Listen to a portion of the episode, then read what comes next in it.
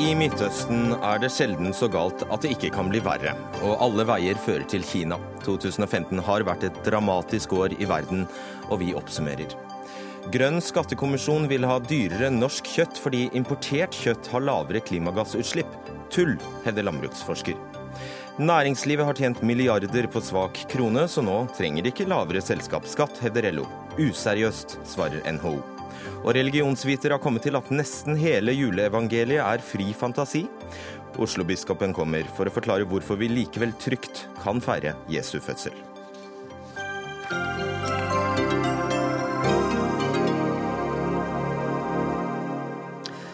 I Dagsnytt 18-studio på lille julaften er Fredrik Solvang.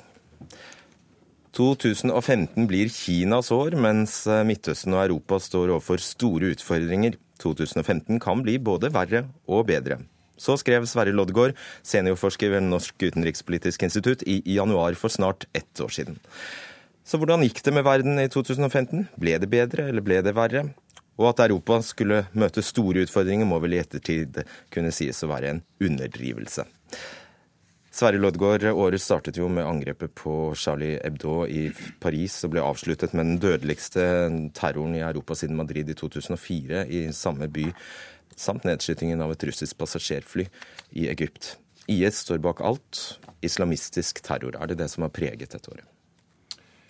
Hvis vi ser på tallene for 2014, eh, så sto ISIL og Boko Haram for omtrent halvparten av terroren, målt i, i, i drap eller uh, tapte menneskeliv. Og det meste skjedde i uh, Afghanistan, i Pakistan, Irak, Syria og Nigeria. De, og det hører vi sørgelig lite om her, ja. De fem landene der.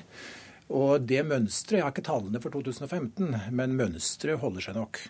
Og så fikk vi altså de uh, terrordådene, ugjerningene, som du nevnte, mot slutten av, av året, av dette året.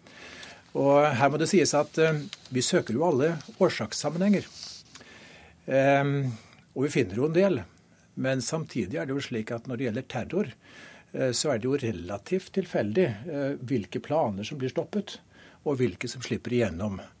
Og når de tilfeldighetene får lov å spille inn i kontekster som, ja, hvor veldig mye flyter, så blir det hele ganske uforutsigbart. Men denne gangen Eh, så førte altså de tre eh, terrorhandlingene som du nevnte, eh, til at stormaktene fant bedre sammen i synet på hva som bør skje i Syria, og også i kampen mot terrorisme generelt. Utenriksminister Børge Brende fra Høyre, la oss ta tak i det Loddgaard snakker om her. altså Sikkerhetsrådet eh, har samlet seg om en, et veikart for eh, Syria. Så har altså Eh, spørsmålet kommet opp om Norge skal bidra militært i Syria. Og På mandag denne uka så erfarte Klassekampen at eh, dere i regjeringen har bestemt dere for at Norge ikke skal delta med kampfly. Kan du bekrefte det? Det som forsvarsministeren har eh, slått fast, er at vi vil komme tilbake på nyåret med et svar på den hendelsen som vi har fått fra USA, om hvordan vi i fortsettelsen også skal bidra i den koalisjonen som er danna mot ISIL hvor viktige arabiske land er med, og mange av våre nærmeste eh, allierte. Eh, så det er prematurt å trekke konklusjoner på akkurat det punktet. Men det som ikke er noe tvil om, det er jo at etter det vi opplevde i Paris, så er det bred enighet om at man skal trappe opp kampen mot terrororganisasjonen ISIL eh, langs mange akser. Og det viktige gjennombruddet man fikk gjennom sikkerhetsrådsresolusjonen, er nå et godt utgangspunkt eh, for de samtalene som skal være på nyåret under FNs spesialutsending eh, Stefan de Musturas ledelse. Vi må skaffe oss et veikart. Eh, vi må få på plass en inkluderende overgangsregjering i Damaskus, som også inkluderer sunnier, så vi kan ha sunnier til å bekjempe Al Qaida og ISIL, slik at det ikke er en blir sett på som en russisk Assad-vestlig eh, operasjon. Det skal vi unngå. Og så er det eh, helt åpenbart at det vi har opplevd i dette året, er at når det er sikkerhetsproblemer og terror som rammer eh, i Maghreb, altså Nord-Afrika, eller i Levanten, eh, Irak, eh, Syria, så rykker det også inn i Europa. Så det er òg vårt problem, eh, det vi nå opplever. Lodgaard, har du opplevd en mer eh, komplisert verden enn eh, nå? Det måtte jo være i fjor, da. I nær, i nær fortid. Men naturligvis er den både komplisert og som jeg sa, uforutsigbar. Men la meg også understreke at dette året har budd på framgang for diplomatiet. Og da tenker jeg på Iran-avtalen, som er historisk. Det kunne jo endt med krig. Jeg tenker på normaliseringen eh, sent omsider i forholdet mellom Cuba og, eh, og, USA. Jeg tenker på eh, miljøtoppmøtet. Resultatet der mot slutten av året. Og jeg tenker på det som vi nettopp var inne på, som jeg er helt enig i. Det er betydelige framskritt for tiden som gir grunn til viss optimisme, selv når det gjelder, når det gjelder Syria. Og her får jeg kanskje lov til å nevne et navn. 2015 eh, har vært et godt år for USAs utenriksminister eh, John Kerry. Eh, han har vært uoppslitelig og hatt betydelig framgang dette året. Særlig hvis en tar i betraktning hjemmebanen, hvor Kongressen er gjenstridig. Og jeg sier av og til litt uhøytidelig at den amerikanske kongressen er det verste jeg vet i internasjonal politikk. Er det ikke litt for tidlig å konkludere med at han også seirer når det gjelder, eller at han vinner fram når det gjelder Iran-avtalen? Det er bare uh, introduksjonen som er skrevet i historiebøkene. Uh, men én uh, ting kan vi si med stor sikkerhet om 2016, og det er at sanksjonene mot Iran de blir opphevet sannsynligvis allerede i januar. Unnskyld. Deler du denne oppfatningen, Brende, at har, verden har opplevd store diplomatiske frem, framskritt dette året? Det er veldig et veldig sammensatt bilde. Jeg er helt enig med uh, Lodgaard når han på sin litt, uh, med sin litt trønderske underfundighet uh, både henviser til at 2015 det eneste året hvor man i nyere tid hadde sett større utfordringer mot vei i 2014. Men samtidig så trekker han frem eh, USAs utenriksminister eh, John Kerry, som har vist igjen at enkeltpersoner spiller en rolle eh, når det gjelder utviklinga i global politikk. Det han sto opp for for å få på plass denne Iran-avtalen, for å unngå at Iran kan utvikle kjernevåpen, men samtidig få til en bred enighet om oppheving av sanksjonene. Det kommer til å få stor betydning for hele Midtøsten. Det at han òg på sin uoppslitelige måte insisterte på å begynne fredsdiplomatiet igjen for Syria, har vært helt avgjørende. Og vi har nå sett at eh, hvis man ikke prøver og ikke får gjennomslag, så kan det få katastrofale følger. Hvis Kofi Annan hadde fått gjennom sin fredsavtale for Syria august 2012, så hadde Syria fortsatt vært et mellominntektsland. Vi har ikke hatt migrasjonsbølgen eh, i Europa. Det bare viser hvor viktig diplomati også er. Og så vet vi jo at Iran spiller en helt uh, essensiell eh, rolle i Midtøsten. Men du beskriver altså uh, den arabiske verden uh, Du beskriver at den arabiske verden er i katastrofal skikk, og at, Midtøsten er, at i Midtøsten er det sjelden så galt at det ikke kan bli verre. Lodgaard. og vi vet jo så altfor godt at i, i, Irak, Syria, Jemen og Libya er stater som, som har falt sammen. Hva skjer om Egypt skulle miste støtten fra Saudi-Arabia eh, og Emiratene. Hva kan skje da? Eh, trykkokeren er på gang igjen eh, i Egypt. Og Saudi-Arabia og Emiratene, som har bidratt med store summer til Egypt, de er misfornøyde med ledelsen i Egypt. Egypt er skakkjørt. Og den lave oljeprisen kan jo faktisk føre til at de eh, slutter å overføre penger til statskassa. I så fall så eh, blir den statskassa antagelig tom ganske fort.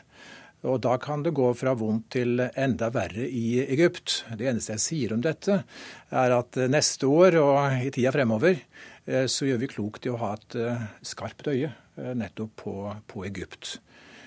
Du nevnte at det er statssammenbrudd og sammenbrudd for samfunnene eh, i eh, Irak og Syria, i Jemen, på Sinai også, og i Libya. Eh, og Det er mot den bakgrunnen jeg sier at det er aldri så galt i Midtøsten at det ikke kan bli verre. De stabile landene, relativt stabile, er de ikke-arabiske. Mm. Altså Israel, Tyrkia og Iran. Eh, Brende, jeg har bare eh, lyst til å stille deg, Du har sikkert lyst til å kommentere Egypt også, men jeg har bare lyst til å stille deg et spørsmål om hva eh, som for, for Norges del har vært mest utfordrende utenrikspolitisk dette året? Det er kombinasjonen av alle de faktorene som vi nå har diskutert. Selvsagt eh, denne immigrasjonsbølgen. En million som har kommet, flyktninger og asylsøkere, inn over Europa. Og Norge har absolutt fått sin del av dette. Det var håndteringa av den helt ekstraordinære situasjonen ved Storskog, eh, Kirkenes, på den russiske eh, norsk-russiske grensa, hvor det kom 5400 asylsøkere, eh, stort sett uten behov for beskyttelse. I Øst-Finnmark, hvor det bor 11 000 mennesker, så er det denne terroren som har rykka inn i Europa som en funksjon av manglende enighet om fred i Syria. Dette har vi jo nå sett at man tar i større grad på alvor. Det er òg den nye normalen når det gjelder vår nabo i øst, Russland, eh, som vi ser at eh, ikke vil utvikle seg i det som vi, eh, noen trodde kanskje på 90-tallet, at det skulle bli et tradisjonelt mer vestlig inspirert demokrati. Russland er Russland, og vi må forholde oss til dette landet. Det er vår nabo. Så det er mange, eh, mange eh, utfordringer. Altså den nye normalen eh, er den type uro. Også den nye normalen er at vi ikke har en sånn lineær utvikling, at det blir bedre fra ett år til et annet. Vi kan også se tilbakeslag. Men samtidig som vi ser store utfordringer, så ser vi også Eh, visse fremskritt. Forrige helg så var jeg i Nairobi, og vi fikk på plass en Nairobi-erklæring når det gjelder Verdens handelsorganisasjon, som ingen trodde vi skulle få på plass. Men det at land samhandler og handler med hverandre, det skaper arbeidsplasser, et bolverk mot proteksjonisme. Så det er et sammensatt bilde. Men jeg må si at det er en mer vanskelig sikkerhetspolitisk situasjon eh, enn eh, på noen tiår. Så vet jeg, Lodgaard, at du er opptatt av Kina. Og da er det altså slik at verdens eh, største økonomi eh, har en veksttakt, eh, veksttakt, tre ganger så høy som USA. Hva slags ny verdensorden er det et selvbevisst Kina tar mål av seg til å utvikle? Brende er også opptatt av Kina. Det er vi, det er vi alle. Og aldri har noen nasjon vokst så mye, så raskt og på så mange dimensjoner som Kina har gjort i perioden 1980 og frem til i frem til i dag. Og eh, da ser vi at Kina utfordrer den amerikanske eh, hegemonen. Og når nummer to i verdenshierarkiet, altså Kina, eh, truer med å jekke ut nummer én, da vet vi historisk sett at vi er inne i en veldig kritisk og, og farlig periode. Da er det ikke nok med business as usual, og da kan man ikke bare Eh, betrakte dette som et problem som må fikses, for dette er noe som krever årvåkenhet over en generasjon fremover. Og direkte til spørsmålet ditt. Deng Xiaoping sa at eh, Kina måtte ligge lavt og konsentrere seg om egen utvikling. Eh, Xi Jinping har kastet av seg den trøya. Og han gjør det ganske så klart at Kina vil med tid og stunder utfordre sitt, sin egen verdensorden i sitt eget bilde. Eh, og da er vi over på ganske mange andre spor enn de vi har vært vant med eh, fra USA. Og da eh, har du ikke veldig mange minutter, Brende, på å forklare oss om dette et Kina på Kinas premisser, eller en verdensorden på Kinas premisser, er noe vi bør se fram til? Det er iallfall en realitet. Eh, men det var det jo i 1850, hvor India og Kina utgjorde kanskje 45% av verdens eh, verdiskaping. Så dette eh, er jo et faktum som kommer til Det er et faktum, og vi må forholde oss til det. Det vi er kjent med, er jo at Kina Eh, vil forholde seg til en verdensorden som går ut på vinn-vinn. At hvis det går bra for andre nasjoner, så går det bra for dem, og omvendt. Og der ser vi nok en viss uh, forskjell fra Kina og en del andre nasjoner. De er veldig integrert i den globale økonomien. Hvis uh, det er lavere etterspørsel etter de produktene som Kina eksporterer, så er det også ille for Kina. Men vi skal følge Kina nøye. og de har medvirka til, bl.a. en global klimaavtale som var positivt nå. Men vi vil nok høre mer om Sør-Kina-havet og Øst-Kina-havet i årene fremover. Og så føler jeg vi kunne ha fortsatt en time til. Takk skal dere ha, Sverre Loddgaard og Børge Brende.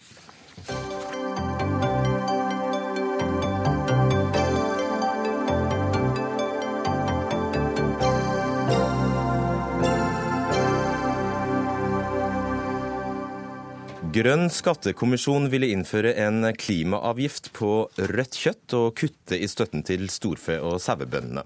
Og Bakgrunnen er påstanden om at rødt kjøtt har større klimagassutslipp enn hvitt kjøtt, og at importert rødt kjøtt har lavere utslipp enn norsk rødt kjøtt. Men uh, du sier til Nasjonen i dag at uh, forutsetningene for dette resonnementet er feil, professor Odd Magne Harstad ved Norges miljø- og biovitenskapelige universitet.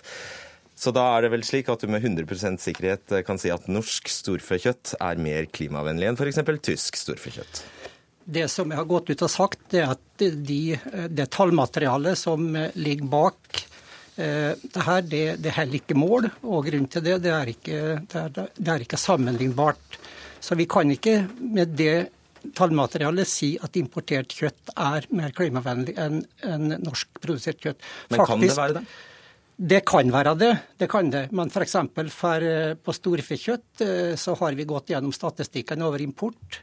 Og så har vi sett på klimagassutslipp fra en FA-rapport, og da kommer vi fram til det motsatte. En FN-rapport. FN-rapport, FA-rapport, ja, som da sier at, eh, at import vil da faktisk samla sett i et høyere klimagassutslipp enn norskprodusert kjøtt. Bl.a. pga. transport og kraftfôr og så Ja, da er faktisk eh, alle faktorene som virker inn på netto utslipp av klimagasser, det er da tatt med i det regnestykket. Og da går spørsmålet til deg, Lars Erik Borge. Du ledet jo Grønn skattekommisjon, er med oss fra studio i eh, Steinkjer. Hva er det egentlig dere bygger denne påstanden på om at importert kjøtt har lavere utslipp enn norsk kjøtt? Ja, la, la, meg starte med å si at den primære begrunnelsen for vårt forslag er at produksjonen av rødt kjøtt i Norge gir høyere klimagassutslipp enn produksjon av hvitt kjøtt. Så, så, sånn at det å eh, ved å innføre en avgift på rødt kjøtt eller redusere produksjonsstøtten, så vil klimagassutslippene knytta til produksjon i Norge gå ned. Og det vil bidra til, å, bidra til at Norge kan nå sine internasjonale utslippsforpliktelser. Eh, den andre forutsetninga som her diskuteres, at øh, øh, Utenlandsk kjøtt er mer klimavennlig enn norsk? Nettopp. Det kan, det, det kan diskuteres, og det, det avhenger av, hvilket, av hvilket land importen skjer fra.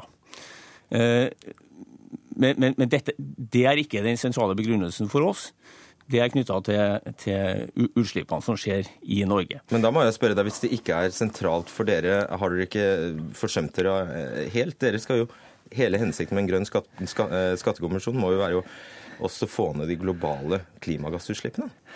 Ja, så, så vi har også beregna eh, utslippene knytta til norsk matforbruk, som er eh, kanskje mer relevant i, i den sammenheng. Eh, de beregningene som er utført av Norsk institutt for eh, bioøkonomi, viser at klimagassutslippene knytta til norsk matforbruk også går ned. Det bygger da på noen forutsetninger om hvilke land importen kommer fra.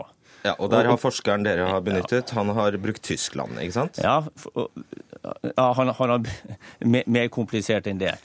Men, men, men, men, det som ligger til, det som er en viktig forskjell, er at man kan ikke bare se på hvilke land Norge importerer fra per i dag. Man må også ta hensyn til at når, når importen øker, så vil importen i større grad kommer fra andre land, fordi at de WTO-kvotene som, som, benyttes, vil da være, være uttømt. Ja, jeg håper vi har med oss eh, publikum fremdeles. Kristoffer Ringnes Klyve, du er leder for klima- og miljøavdelingen i Framtiden i våre hender. La oss gjøre det så enkelt som følger. Er det slik at en ku som spiser norsk gras, er mer eller mindre klima, eh, slipper ut mer eller mindre klimagasser enn en ku som stort sett står på bås og får soya fra Brasil i Tyskland? Nei, hvis jeg husker akkurat hvordan du stilte det spørsmålet. Um, er, men, hvilke av disse kyrne mest, slipper ut mest klimagassutslipp? Um, en ku som uh, vokser sakte og lever lenge, vil i løpet av sin levetid slippe ut mer klimagasser enn en ku som vokser fort og, og lever kort. Dvs. Si da en mer industrielt produsert ku. Så presumptivt vil, vil den norske kua slippe ut mer? Ja, men Det kommer litt an på. For Det kommer an på hva den erstattes med, og hvor den importen kommer fra, som uh, de andre har uh, vært inne på. Er du med på denne sammenhengen som, eh, som kommisjonen da legger for dagen, at altså en slags økonomisk teori der prisen til forbruker da vil, uh, vil, øke hvis produksjonsstøtten til storfeproduksjon synker, og da vil også forbruket minke, da vil klimagassutslippene minke? Er du med på den jeg er med på det under den forutsetningen som Grønn skattekommisjon gjør, nemlig at måtte, importvernet vil måtte, kunne justeres sånn at du kan hindre at det erstattes av import. Men jeg, jeg syns det er litt sånn feil spørsmål å stille.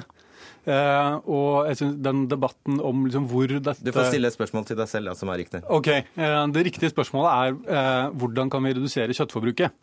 Fordi om måte, kua eh, bor her eller der, eller kjøttet er produsert her eller der. Det blir litt som å stille spørsmålet hvor eh, oljen og gassen blir produsert.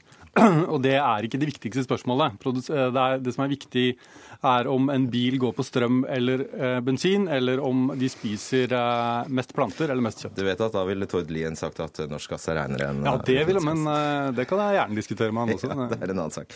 Eh, Odd Magne Harstad, hva i denne, dette resonnementet fra Borge er det som er helt konkret feil? Altså, det er ingen grunn til å si at den norske kua produserer mer klimagasser enn kyr i andre land. Altså F.eks. hvis de importerer veldig mye soya og står på mye kraftfôr, så er det klart at tar de inn eh, det her med, med nedhogging av regnskog og tar det inn i regnskapet, så kommer det veldig høyt ut. Så det er ingen grunnlag for å si det. Og for det andre sånn, så er mjølkekua er like miljøeffektiv som gris og fjørfe. Det må også framtiden i våre hender eh, akseptere. Og, og, da er det sånn at kua produserer ikke bare mjølk, hun produserer også kjøtt. Og det kjøttet er også rødt. Og hvis en legger den avgift på rødt kjøtt, så vil det også ta knekken på melkeproduksjonen. Og det er det ingen som er tjent med. Og så har jeg lyst til å si, og det er kanskje det viktigste, og det er at hvis eh, eh forslaget som Grønn skattekommisjon legger fram, så vil det få som resultat at matproduksjonen i Norge stagnerer. Og det er tvert mot det politiske myndighetene vil. De sier at vi skal øke matproduksjonen mm. i takt med befolkningsøkninga. Forslaget vil altså To målsettinger som krasjer? De krasjer veldig sammen. Og det som jeg vil si, altså det er en merkelig innfallsvinkel når vi vet at vi også kan redusere utslipp av klimagasser fra våre husdyr. Vi har framgang i avl og i fòring, vi har mange tiltak, så her må vi ha en positiv innfallsvinkel og produsere mer mat, men så miljøvennlig som råd er. Ok, Borge, svar på det.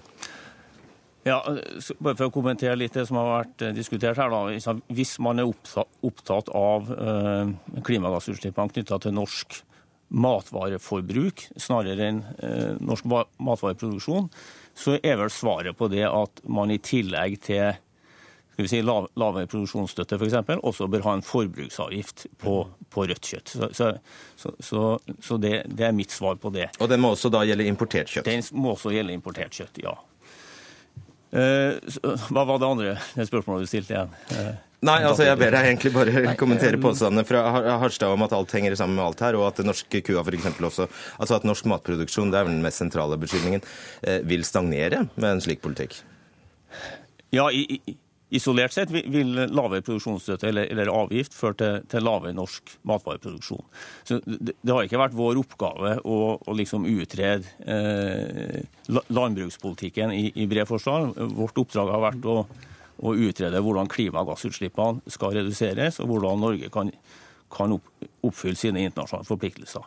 Når, det er sagt, så har vi også da pekt på at forslagene kan komme i strid med landbrukspolitiske målsettinger.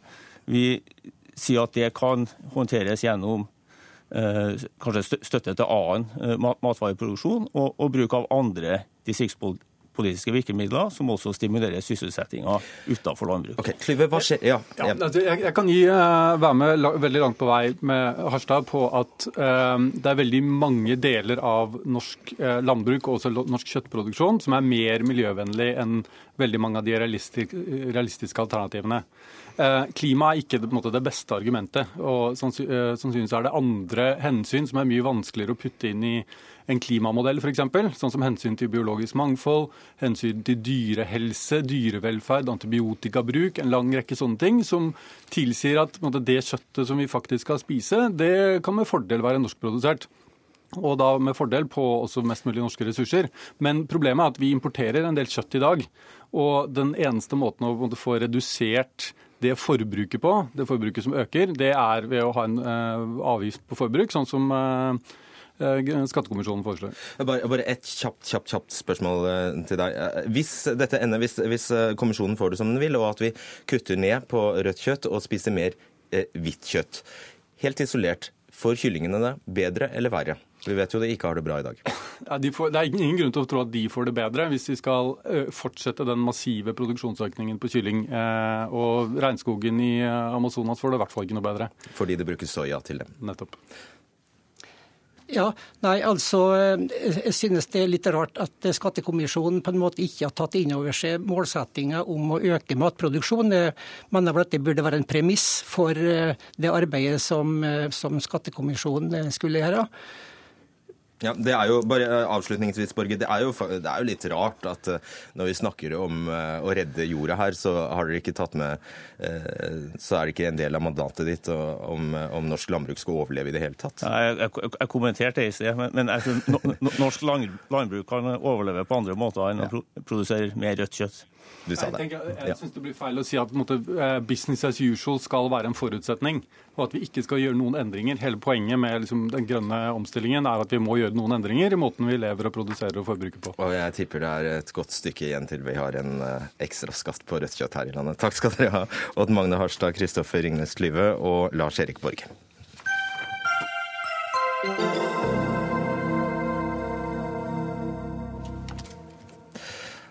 Ja, er, er skattelette det som skal til for å få fart på eh, norsk næringsliv og skape arbeidsplasser? Nei. Ikke nødvendigvis, mener LO, som viser til at den svake norske krona gjør at de planlagte skattekuttene til næringslivet kan utsettes. Og da bransjedirektør Knut Sunde i Norsk Industri, som hører med i eh, NHO-familien. Du sa til eh, NRK Dagsnytt i går morges at eh, dette er useriøst av LO. Hvorfor det? Jeg mener det er useriøst, fordi hvert tiende år i Norge så har vi en skattereform hvor man ser litt på hva som skjer internasjonalt, eh, tar erfaringer fra siste reform og, og utvikler den. Og Nå er det overmodent med en skattereform, ettersom skattesystemene har endret seg fundamentalt i alle land rundt oss, og vi er i ferd med å bli veldig dyre, har veldig høyt skattenivå for bedriftsbeskatning. Dette har vært forberedt i tre-fire år, og nå er deler av beslutningen allerede tatt, og mye av det skal tas ut på nyåret. Og da kommer LO plutselig og sier timeout pga. valutakursen. Det mener vi er useriøst.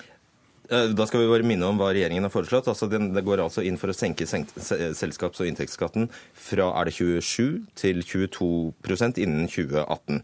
Og Dette vil da gi et provenytap for staten på 14 milliarder. Og Da må jeg bare minne deg om hvor mye dere kan ha tjent på denne lave kronekursen. Det er utallige mange flere milliarder enn det. Ja, Industrien lever godt med denne kronekursen, men det er faktisk en internasjonal konkurranse. Etter finanskrisen har det vært beinhard priskonkurranse i alle år. Sånn at hypotesen om at industrien fosser penger inn på bunnlinja, den er helt feil. Det hadde vi i så fall sett på andre måter. Men det er veldig bra med en svak kronekurs. Det er, det er vi enige med LO om. Stein Regaard, sjeføkonom i eh, LO. Du er useriøs. Ja, nå er det jo jul, så vi kan ta de store ordene. Og vi kan starte med det vi er enige om. Altså, vi er enige med norsk industri selvfølgelig om at det er veldig viktig å styrke norsk industri. Det er derfor vi legger så stor vekt på fornuftige lønnsoppgjør, at vi ikke skal bruke så mye oljepenger.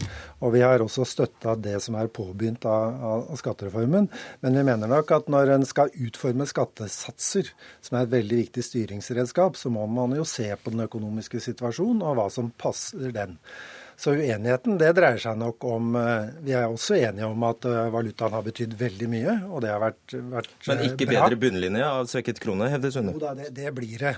Så, så, den uenigheten som gjelder her, tror jeg går mer på uh, hvor varig og hvor uh, trygt man kan stole på valutakursen. Og da, da vil nok jeg si at for, å, for, å, oppklare og bidra til forståelsen på det området, at når noen har sagt at dette er helt tilfeldig spekulative bevegelser, som flere sa, riktignok mest ikke-økonomer, så er det feil. Altså Det som er riktig, er jo at det kortsiktig så er valutakursen ustabil og kan svinge tilfeldig.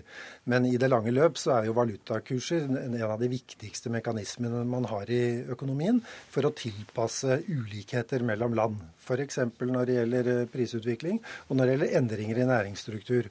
Og Det er det som har skjedd i Norge. Dette er ikke kortsiktig, det har pågått i tre år. Og det er nær, nær sammenheng med endringen i oljeprisen. Det har jeg Regård helt uh, rett i. Det er jo dype strukturelle årsaker til denne svekkede kronekursen. Det er det, men det har ingenting med skattereformen å gjøre. Vi skal Nei, gjennomføre en skattereform nå som delvis er allerede gjennomført og gjelder fra om en uke. Men det store slaget står i februar-mars neste år i Stortinget. Og da stiller LO i Stortinget og ber om å få utsatt innføringen av skattereformen fordi kronekursen er svak. Det er to ting som ikke har noe med hverandre å gjøre. Og det er for interessant, for valutamarkedet er den råeste kapitalismen vi vet om. 90% av transaksjonene i valutamarkedet er spekulative. Og det er interessant at LO mener at det markedet skal styre Stortingets beslutninger om skattereform. Regård, en skattereform skal jo stå seg i tiår. Ja da. Og det, det, er jo feil at det, skattereformen står og faller med dette. Skattereformen omfatter mange ting, og først og fremst mer fordeling på ulike mekanismer og strukturer. Det vi har snakket om, er fastsettelsen av skattesatsene i 2017, 2018 og 2019. Og siden reformen ble utformet i forslagsform, da, så har det jo skjedd veldig mye som har endret bildet på valutaområdet, som betyr at industrien har fått mange, faktisk noe som tilsvarer mer enn fjerning av hele selskapsskatten, hvis det var ved. Og det er så mye, mye som mindre, tyder på nå. Ja. Så, så, ikke ned til 22, skjønner jeg, men hvor mye lavere kan, mener du den Ja, så Vi støttet jo de første, så nå har man fått eh, størrelsesorden 10 milliarder, og nå er det diskusjon om man skal få 10-15 til. Og Det kommer jo da på toppen av den overføring som en eh, svekket krone innebærer. Da overføres det eh, ressurser fra lønnstakere, pensjonister og ikke minst importører til, til, industrien. Og det har til nå akkumulert seg til mye mer enn hele, hele selskapsskatten. Men vi skal ikke legge Eh, den kursen vi har i dag til grunn, men, eh, men se på det, det, lange bildet vi nå har hatt, eh, hvor det alt tyder på at kronekursen blir varig liggende på et betydelig lavere nivå enn før. Ja, Det er en påstand som neppe står seg om et år eller to. Og det har allikevel ingenting med skattereformen å gjøre. Vi er bakpå i en skattereform. Vi skal lande om et par-tre år på noe som er et nordisk snitt. Jo, men Du hører jo hva han sier. Han sier, han sier jo bare at man bør gå litt mer forsiktig fram. Ja, Stoppe skattereformen, har de sagt i Stortinget. Så, så, men, men, her er LO alene mot alle politiske partier. Så det gleder meg at Stortinget overser LO og går videre med skattereformen, sånn som den har vært planlagt i årevis. Hva tror ja, det, Dette er jo ikke noe veldig konstruktiv eh, dialog å forvrenge våre posisjoner og i en negativ retning for deg. Det er sant. Eh, det er fint for oss, da. Eh, men, eh, men, men valutakursen er jo en veldig sterk mekanisme, og som vi skal ta veldig godt vare på. Vi fikk en lite melding om det her om dagen. da den store oljepengebruken eh, forsinket den rentenedgangen som var varslet fra, fra Norges Bank. Og, og overdrevne skattekutt, da, det er bruk av oljepenger. Og jeg, jeg, vil nok si at jeg tror eh, representantene fra næringslivet hadde fått større troverdighet om de var villige til å se på den brede økonomien og ikke på skatt isolert. Eh, det, det er det som lett fører til at de alltid sier, uansett situasjon og problem, skatten må ned. Og det er det veldig lite uh, analytisk belegg for. Eller i pose og sekk, som noen av oss kaller det. Det må man gjerne si, men en skattereform er veldig alvorlig. Alle investorene legger skattereform til grunn, og vi skal komme ned på det som er et snitt i Norden, helt uavhengig av om valutakursen går opp og ned. For det eneste som er sikkert, at den er aldri i ro.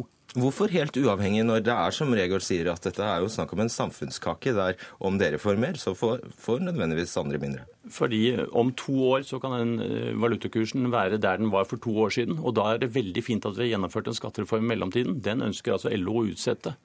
Vi kan ikke, vi kan ikke la valutamarkedet styre Stortinget.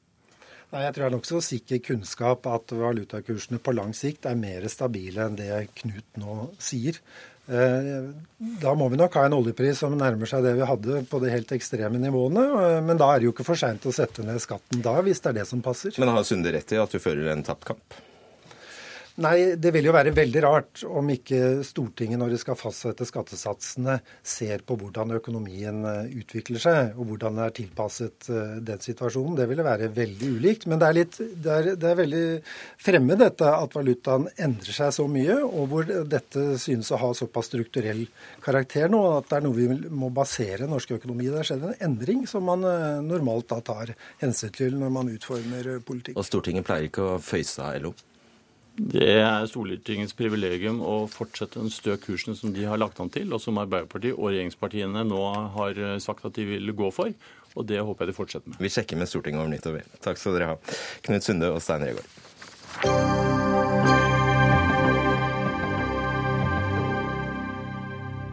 Det skjedde i de dager at det gikk ut befaling fra keiser Augustus om at hele verden skulle innskrives i manntall. Ja, slik begynner jo juleevangeliet, som ender med at gjeterne vender tilbake til Betlehem etter å ha sett at Maria hadde født en frelser i Davids by. Men uh, dette er fri fantasi, nesten uh, alt sammen, sier du, uh, religionsviter Helge Kåre Faustanger, om en av julens mest sentrale tekster. Si er ikke, kanskje det, ikke det ideelle uttrykket å bruke, men det er en teologisk motivert legende, kan man si. Hva legger du i det? Hva betyr det? Utgangspunktet her er en profeti hos profeten Mika i det femte kapitlet om at det skulle komme en stor og viktig konge fra Betlehem, så å si en ny kong David, siden han kom fra Betlehem. Og eh, dermed så har den kristne Messias-kandidaten så å si en stor kosmetisk feil, nemlig at han kom fra feil by. Han var kjent som Jesus fra Nasaret, altså en ubetydelig filleby langt nord i Galilea og veldig langt unna Betlehem nede i sør. Og Det ser ut som de kristne prøvde å få dette teologiske regnestykket til å gå opp ved å hevde at Jesus i det minste var født i Betlehem, slik at man i en viss forstand kunne si at han kom derifra likevel og hadde oppfylt profetien. Og Fødselshistoriene hos eh, Matteus og Lukas det virker som to uavhengige og ganske forskjellige forsøk på å få og få henlagt Jesu fødsel til den i hermetegn rette byen, og samtidig forklare at han endte opp i Nasaret og vokste opp der. Og så Da skal jeg bare ile til og, og forklare lytterne og seerne hvorfor du mener å vite dette. Fordi du har nemlig nyoversatt eh, Det nye testamentet fra gresk, og du har kun da funnet to fødselsfortellinger, eh, og ingen av dem stemmer med juleevangeliet. Det, det som vi populært kaller juleevangeliet, det er jo en av disse tekstene fra Lukas Eh, men det er to forskjellige historier hos eh, Matteus og Lukas. Og det virker ikke som om disse to egentlig har kjent til hverandre. Eh, det, det, som begge er opptatt av, er å poengtere at Jesus på en eller annen måte var født i Betlehem, selv om alle visste at han kom fra Nasaret. Og og Det er det som ligger under eh, motivet til tilsynelatende at de vil at han skal oppfylle denne profetien om eh, kongen som skulle komme fra Betlehem. Mm. Ok, Biskop i Oslo, Ole Kristian eh, Kvarme. Eh, spiller det noen rolle om Jesus var fra Nasaret eller Betlehem? jeg, jeg tenker jo at Jesus vokste opp i Nasaret, og han ble omtalt som Jesus fra Nasaret. Samtidig så har nok jeg eh, tiltro til Lukas evangeliet og fortellingen om at Jesus ble født i Betlehem. Når eh, Falkanger tar, eh, tar, utgangspunkt i profetien i, hos Mika om at det skal komme en konge som skal bli født i Betlehem, så må jeg jo si at det er jo ingenting i juleevangeliet altså fortellingen hos Lukas, eh, som, eh, som, faktisk knytter an til det. Det er hos Matteus. Eh, Lukas er en historieforteller som bygger på familietradisjoner i Jesu egen familie. Ja, Oppklar det, Festanger. Ja, man kan jo da stille seg ved, stille spørsmål ved historisiteten i disse historiene når disse to historikerne ikke engang er skikkelig enige om kronologien her. Matteus forbinder Jesu fødsel med kong Herodes, som døde etter vanlig oppfatning i år fire før vår tidsregning. På den andre side så sier Lukas at eh, Jesus var født mens Kvirinius var landshøvding. Og da skal vi fram til år seks etter vår tidsregning. Så overført til norske forhold så blir dette litt som om en historiker sier at noe skjedde mens Gro Harlem Brundtland var statsminister. Og så kommer det en annen og sier at nei, dette skjedde mens Jens Stoltenberg var statsminister. Og da bør man kanskje innse at uh, de historiske fakta allerede har blitt litt blurry her, og at uh, minst en historiker må ta feil. Kvarme. Ja, eh, dette er jo ikke nye synspunkt og, og, ikke nye spørsmål som stilles. Ja, det er enkelte eh, historiske detaljer vi åpenbart kan diskutere i forholdet mellom Men det er vel ikke noen detalj det han framlegger her om tidspunktet for hans ja, jeg, jeg, jeg tenker jo eksempel, og det, og det, det er jo ikke irrelevant, men jeg tenker jo at Jesus ble født Eh, senest fire år før vår tidsregning begynner. Eh, og det tror jeg de, de fleste forskere også er eh, enige i. Når det gjelder Kvirinius og keiser Augustus, så kan det jo hende at Lukas har blandet noen kort. Men det er såpass mye vi ikke vet om denne tiden, at jeg forholder meg i stor ydmykhet overfor fortellingene slik de er. Og Lukas, som historieforteller, eh, han, eh, han skriver jo selv om hvordan han grundig har gått gjennom det som skjedde. Og fortellingen i juleevangeliet stemmer ganske godt overens med det vi ellers vet om fødsler og det som skjer rundt en jødisk fødsel. Gjør det det, Fausanger? Vel, at eh, de meget generelt forholder seg til kulturelle konvensjoner om hvordan en fødsel skjer, det gir jo ikke nødvendigvis noen underbyggelse av den historiske bakgrunnen for denne konkrete fødselen. og Spesielt ikke for slike pikante detaljer som at moren skulle være jomfru og den slags da er vi over i det territoriet som definitivt må overlates til den enkeltes tro eller vantro. Det tror jeg også. Men jeg har bare lyst til å spørre deg. Eh, dette tyder vel uansett på at eh, Eller underbygger vel at Jesus faktisk har levd? Ja, det, det er faktisk en positiv vinkling som vi kan ta med oss. Eh, for dersom noen hadde sittet seg ned for å oppfinne en messiaskikkelse fra scratch, og ikke hadde noe historisk grunnlag overhodet, så ville de sannsynligvis bare ha sagt at hjembyen hans var Betlehem, og han oppfylte derfor profetien til punkt og prikke. De ville ikke ha begynt med alt dette ekstra styret om at han kom fra Nasaret og prøvde å harmonisere dette her. Så det vi kan ta med oss, er at det høyst sannsynlig har eksistert en karismatisk predikant. Og han kom virkelig fra Nasaret, slik det heter i Bibelen. Og så er det noen som, noen som tror at han var Messias-kvalm. Ja, eh, vi tror jo at det viktige i juleevangeliet, det handler om hvem han er som blir født. Han er født av Davids ett. Han fremstår som Messias. Han er Guds sønn. Men så må jeg jo i tillegg da også til, til Fauskanger få si at det er en veldig tidlig kristen tradisjon som eh, bekrefter Jesu fødsel i en grotte i utkanten av Betlehem. Det er en sterk kristen tradisjon, og i, i en kultur som er slektsbevisst og tradisjonsbevisst. Eh, derfor har jeg tillit til denne fortellingen, om det er historiske detaljer vi kan diskutere. Og Feitsanger, det er vel et, altså, det er jo ikke jula som er den største høytiden i kristendommen? Nei, det skal jo i teorien være påske, selv om det nok er de færreste som opplever det sånn i dag, etter at denne solsnufesten midt på vinteren har seilt opp som det helt store som den store familiefesten. Så da spiller ikke dette så veldig stor rolle? Det var det som var poenget mitt. Ja. Eller? Vel, egentlig er det jo ingenting som, i, i bibelteksten som knytter Jesu fødsel til desember måned. Det er ingen måned antydet i det hele tatt. Det, utgangspunktet så er dette en astro, astronomisk feiring til ære være for at solen snur. og så kan de enkelte få legge inn religiøs symbolikk som, som det passer. og Det finnes slike bibeltekster om rettferdighetens sol som har blitt anvendt på Jesus. og så De kristne må gjerne bruke den anledningen til å feire Jesu fødsel, selv om det ikke er noen grunn til å tro at han var født natt til 25.12.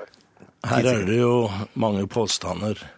Eh, det stemmer at keiser Aurelius innførte festen for solen i 274, men eh, lenge før det ble Jesu fødsel feiret i Betlehem eh, på vinterstid, slik også Lukas evangeliet gir inntrykk av. Og festen ble feiret den 25. desember, selv om vi også der naturligvis kan diskutere dato. Og det kommer vi nok til å fortsette å gjøre. Tusen takk, Ole Kristian Kvarme og Helge Kåre Fauskanger.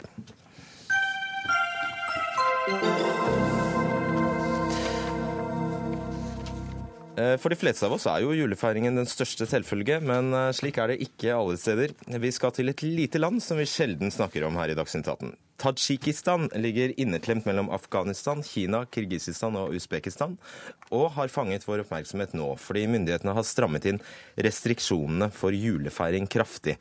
Og blant annet forbyr de nå juletrær og gaver på skoler i den tidligere sovjetstaten. Erika Fatland, du er forfatter og sosialantropolog, og du besøkte Tadsjikistan i forbindelse med en bok du skrev om de sentralasiatiske landene i fjor. Hvorfor er de så veldig opptatt i Tadsjikistan av å begrense julefeiringen? Ja, nei, Det er et spørsmål jeg ikke egentlig kan eh, svare på. fordi Det syns jeg også er litt underlig at i et land hvor de har såpass mange andre graverende problemer, velger å fokusere på dette med julefeiringen. Men nå er disse restriksjonene går ikke egentlig hovedsakelig på julefeiringen, som ikke har vært så veldig stor i Tadsjikistan uansett. De er jo muslimer. Eh, men den går på nyttårsfeiringen, og det er veldig overraskende. For det har vært den største feiringen i det tidligere Sovjetunionen, og også da det var Sovjetunionen. For det var en sånn fest som alle kunne samles rundt. Og nå er det forbudt med eh, fyrverkeri på skolene og festmiddager, blant annet. Når feirer de nyttår i Tadsjikistan, da? Eh, de feirer Da vil jeg tro at de velger å legge hovedvekten på den eh, zoroastriske, persiske feiringen, Navruz, eh, som er i mars. Så jeg tolker disse restriksjonene som en, et forsøk på å bygge seg opp en tadsjikisk identitet, som, som ikke lenger er en del av eh, den sovjetiske og russiske identiteten, men som er noe helt eget og tajikisk. tadsjikisk. Og denne republikken Tadsjikistan er en sekulær stat? Nei, det er den eneste staten i det tidligere Sovjetunionen hvor man har eh, statsreligion. Og, det, statsreligion, og det er sunni-islam. Akkurat. så har jeg skjønt at uh, Tadsjikistan og Usbekistan, sånn eh, etnologisk og, og, kulturelt, egentlig mye går ut på det samme, eller iallfall gjorde? Tadsjikistan og Usbekistan? Ja, Stemmer det? Eh, det er jo begge sentralasiatiske republikker, eh, så sånn sett har de en del til felles. Og de er muslimske republikker. Men i Tadsjikistan har mye mer til felles med Iran. sånn sett De snakker et persisk språk. Hva slags Men, eh, samfunn er det? Hva slags samfunn er det, ja. Eh, det er et lite fattig fjelland. Det er den aller fattigste sovjetrepublikken. Og derav har de jo masse økonomiske problemer. De sliter med de enkleste ting, som å gi eh, befolkningen strøm. I mange av byene om vinteren så er det bare strøm et par timer om dagen. Vaksineprogrammene er brutt sammen osv. Så, videre, så de har en rekke problemer. Og særlig nå, når man har hatt restriksjoner og altså, økonomisk krise i Russland. Det er til enhver tid ca. to millioner tadsjikere i Russland som jobber og sender penger hjem, noe man er veldig avhengig av. Eh, og nå har disse pengeforsyningene fra Russland eh, minska kraftig. Og det er ikke et blomstrende demokrati i Tadsjikistan heller? Nei, det er det jo på ingen måte. De har hatt samme leder og president siden 1992. Han sitter fremdeles. En av grunnene til han sitter, er at det var en stor borgerkrig der på 90-tallet. Slik at man eh, er veldig, veldig redde for at det skal, bli, at det skal bryte ut eh, ny krig og nye voldsomheter. Eh, så mange foretrekker at han sitter med makten, så han ville antagelig vunnet også uten valgfjusk. Mm. Eh, hvordan tror du disse sju-åtte millionene menneskene vil forholde seg til restriksjonene? Ja, Det er jo også et godt spørsmål. Man, altså, Tadsjikistan er et land hvor staten legger seg opp i eh, hvordan innbyggerne lever livet sitt på mange områder. Blant annet er det restriksjoner på bryllup. Man kan ha maks 150 gjester, og middagen kan vare i maks eh, tre timer. Jeg var selv i Tadsjikistan under bryllupssesongen eh, om høsten. Og nå er et fjelland, som sagt. Det er 90% av landet består av fjell. slik at eh, veldig mange lever jo ganske langt fra myndighetenes eh, lange arm. Eh, så det var mange som pent ga blaffen i disse restriksjonene, og noe av det samme kan jo hende skje med disse restriksjonene her rundt jul- og nyttårsfeiringen. Eh, altså, hva, hva, slags type Du sier at sunni, altså, statsreligion er uh, sunni-islam. Hvor, hvor religiøse er de? Etter eh, at Sovjetunionen brutt sammen, så har de blitt veldig mye mer religiøse. Eh, og det er jo, De har Afghanistan eh, som nærmeste nabo. Og under Afghanistan-krigen på 80-tallet så var det mange tajiker som deltok i den krigen, og som da oppdaga en si, mer omfattende form for islam, som de lot seg inspirere av. Så myndighetene i Tadsjikistan er jo mye mer redd for en radikal form for islam enn de er redd for julefeiring og nyttårsfeiring. Så dette det var en av grunnene til at dette også var litt eh, overraskende. Eh, det er ikke lov med hijab på skoler og universitet, f.eks. Og eh, det er restriksjoner på hvor langt skjegget til menn kan være. Det finnes eksempler på politifolk som har gått rundt med barberhøvler i uniformen og barbert folk på gata. Et litt skremmende, men fascinerende innblikk der. Takk skal du ha, Erika Fatland.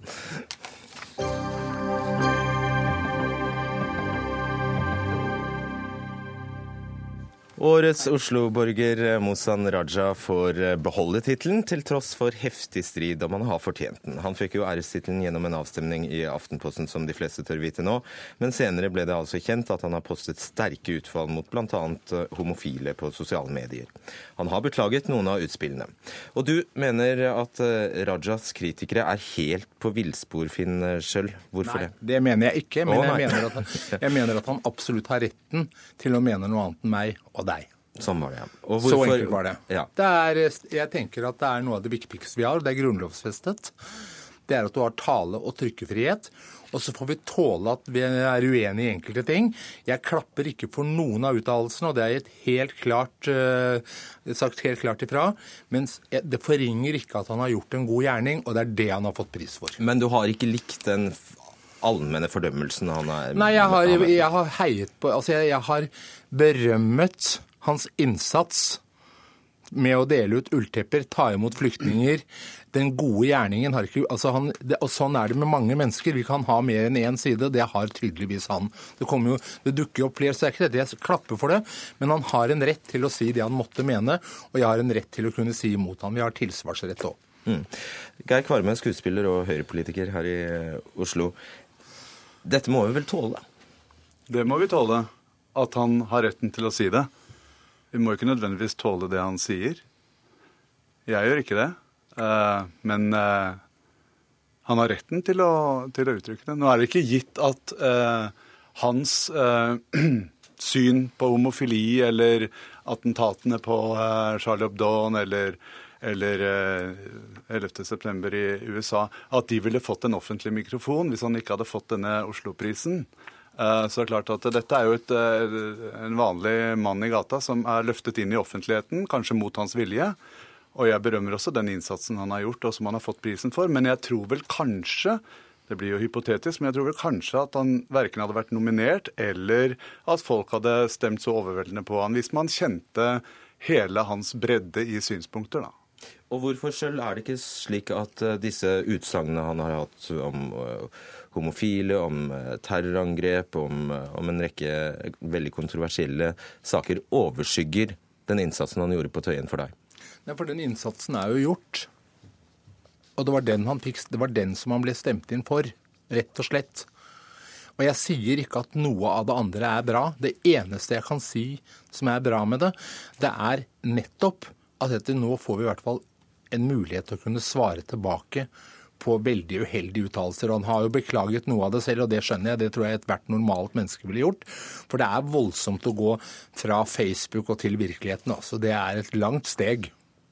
Det er klart det er veldig mye positivt å si om at Norge blir på en måte sånn flerkulturelt, at vi blir sånn, en større sammensetning av ulike oppfatninger og type mennesker som bor i det landet her. Men det er også noen utfordringer med det. Eh, og kanskje den største utfordringen eh, står mellom en islamsk eh, oppfatning av enkelte verdier. Og dette er ofte på en måte sånn som Mosan Raji gjorde her. Han, han skyver på en måte det religiøse perspektivet foran seg når han da kommer i offentlighetens lys og skal på en måte enten korrigere eller forklare disse standpunktene, så viser det seg at han har sånn grunt, en grunn forståelse både av sin egen religion, som han bruker som eh, referanse, og eh, også om homofili og, og, sånn. ikke sant? Og da, da tenker jeg at eh, det er veldig viktig at man bruker lommelykt på disse standpunktene og, og får dem fram i lyset, fordi at eh, disse er ganske allmenne, og det, er en slags, og det som er på en måte grunnlaget for dette, er en total uvitenhet. En veldig sånn grunn forståelse. Og det er viktig at man på en måte belyser mennesker som forfekter slike holdninger. Men du ser også det poenget at her er det en helt vanlig kar som bare, er, som bare har gjort en, en, god gjerning på Tøyen, og som plutselig får alle lyskasserne på seg og må stå ja, til rette for. Det er en kjempevanskelig situasjon for han. Allikevel så eh, Jeg stiller meg ikke bak de som på en måte eh, prøver å latterliggjøre han, men, men jeg syns at han bør bruke anledningen til å gå litt dypere inn i sin egen argumentasjon og se altså Islam har på en måte mange trosfortellinger og, eh, og og Man kan ikke på en måte uh, tro at islam er noe så enkelt at, at man fordømmer homofili, altså, for det gjør man ikke. Og du mener ikke sjøl at disse, disse uttalelsene hans om homofili f.eks. skulle få stå umotsagt? Overhodet ikke, men jeg tenker også vi har faktisk et veldig veldig klart ansvar når vi på en måte skal åpne både dører og hjerter. Så burde vi på en måte være mye klarere på nettopp våre holdninger. På hvordan, vår, hvordan, vårt demokrati virker. For hvis ikke vi gjør det, så blir det veldig vanskelig for andre mennesker å kunne forstå oss. Altså Det vil bli vanskelig å lese. Og da er det veldig bra at dette, ja vel, vi har tale- og trykkefrihet i Norge, du har lov til å si hva du vil, men det kan også ha konsekvenser. For det kan det ha. Men når han får denne prisen, ja. så vil altså uten at vi hadde fått denne debatten rundt hans mm. synspunkter, så ville jo på en måte han kunne vært et forbilde for veldig mange mennesker. Mm. Og så vil man lest han som et forbilde med de ytringene han hadde i forhold til at han bruker islam på å eh, si noe om homofile og andre eh, hendinger i samfunnet. ikke sant? Og da, Det ville vært problematisk, mener jeg, fordi at det, det etableres et, et slags inntrykk, generelt inntrykk av at eh, islam fordømmer homofili og, eh, og, at man legitimerer på en måte eh, ytterliggående handlinger. Fordi at han er gitt en pris for humanisme, men humanismen hans er ikke større enn at han på en måte eh, ønsker død over Israel og, og har synspunkter som man kan åpne opp for å tro at han mener at det rettferdiggjør f.eks. attentatene mot Charlie Hebdo. Og det er farlig. Den uvitenheten er, den uvitenheten er livsfarlig. Det er helt riktig. Det er klart dette, det er, dette her er veldig, veldig tricky. Men denne saken, selve prisen, det er bygget på kun det ene lille. Og Derfor er det også veldig viktig, da, når du snakker om et ideal, så tenker jeg Det som er vanskelig med sånne priser, da, er at det fins jo få ideelle mennesker egentlig. Altså Folk har menneskelige feil, folk har svikt. Og det viser jo også en veldig sterk side ved det norske samfunnet. Samtidig som på en måte vi har våre ting vi bør ivareta, og det må vi være helt klare på. Jeg tenker at likhet for loven liker jeg veldig godt. Kort. Nei, men altså jeg tenker at det er ikke bare en feil. altså Dette er jo på en måte en litt sånn systematikk i en måte å se på en måte problemstillinger som han finner problematisk ut ifra sin forståelse av islam. Og det, det er vanskelig, altså, å ikke uh, ta til motmæle mot det og si at det, dette er uvitenhet, og dette er ikke riktig. Der må vi sette strekk. Tusen takk for at dere kom, Finnskjell og Geir Kvarme. Jeg skal bare si at uh, jeg skal straks ønske god jul, men før jeg gjør det, så skal jeg bare minne om at Dagsnytt 18 eh, sender både mandag, tirsdag og onsdag i romjula her på P2 og i Alltid nyheter. Og da blir det spesialsendinger om klima- og flyktningkrisen, og også et gjenhør fra jubileumssendingen vår tidligere i høst. Ansvarlig for denne sendingen var Dag Døring, og eh, i teknikken satt Finn Lie. Jeg og alle sammen her tak takker for følget og ønsker god jul.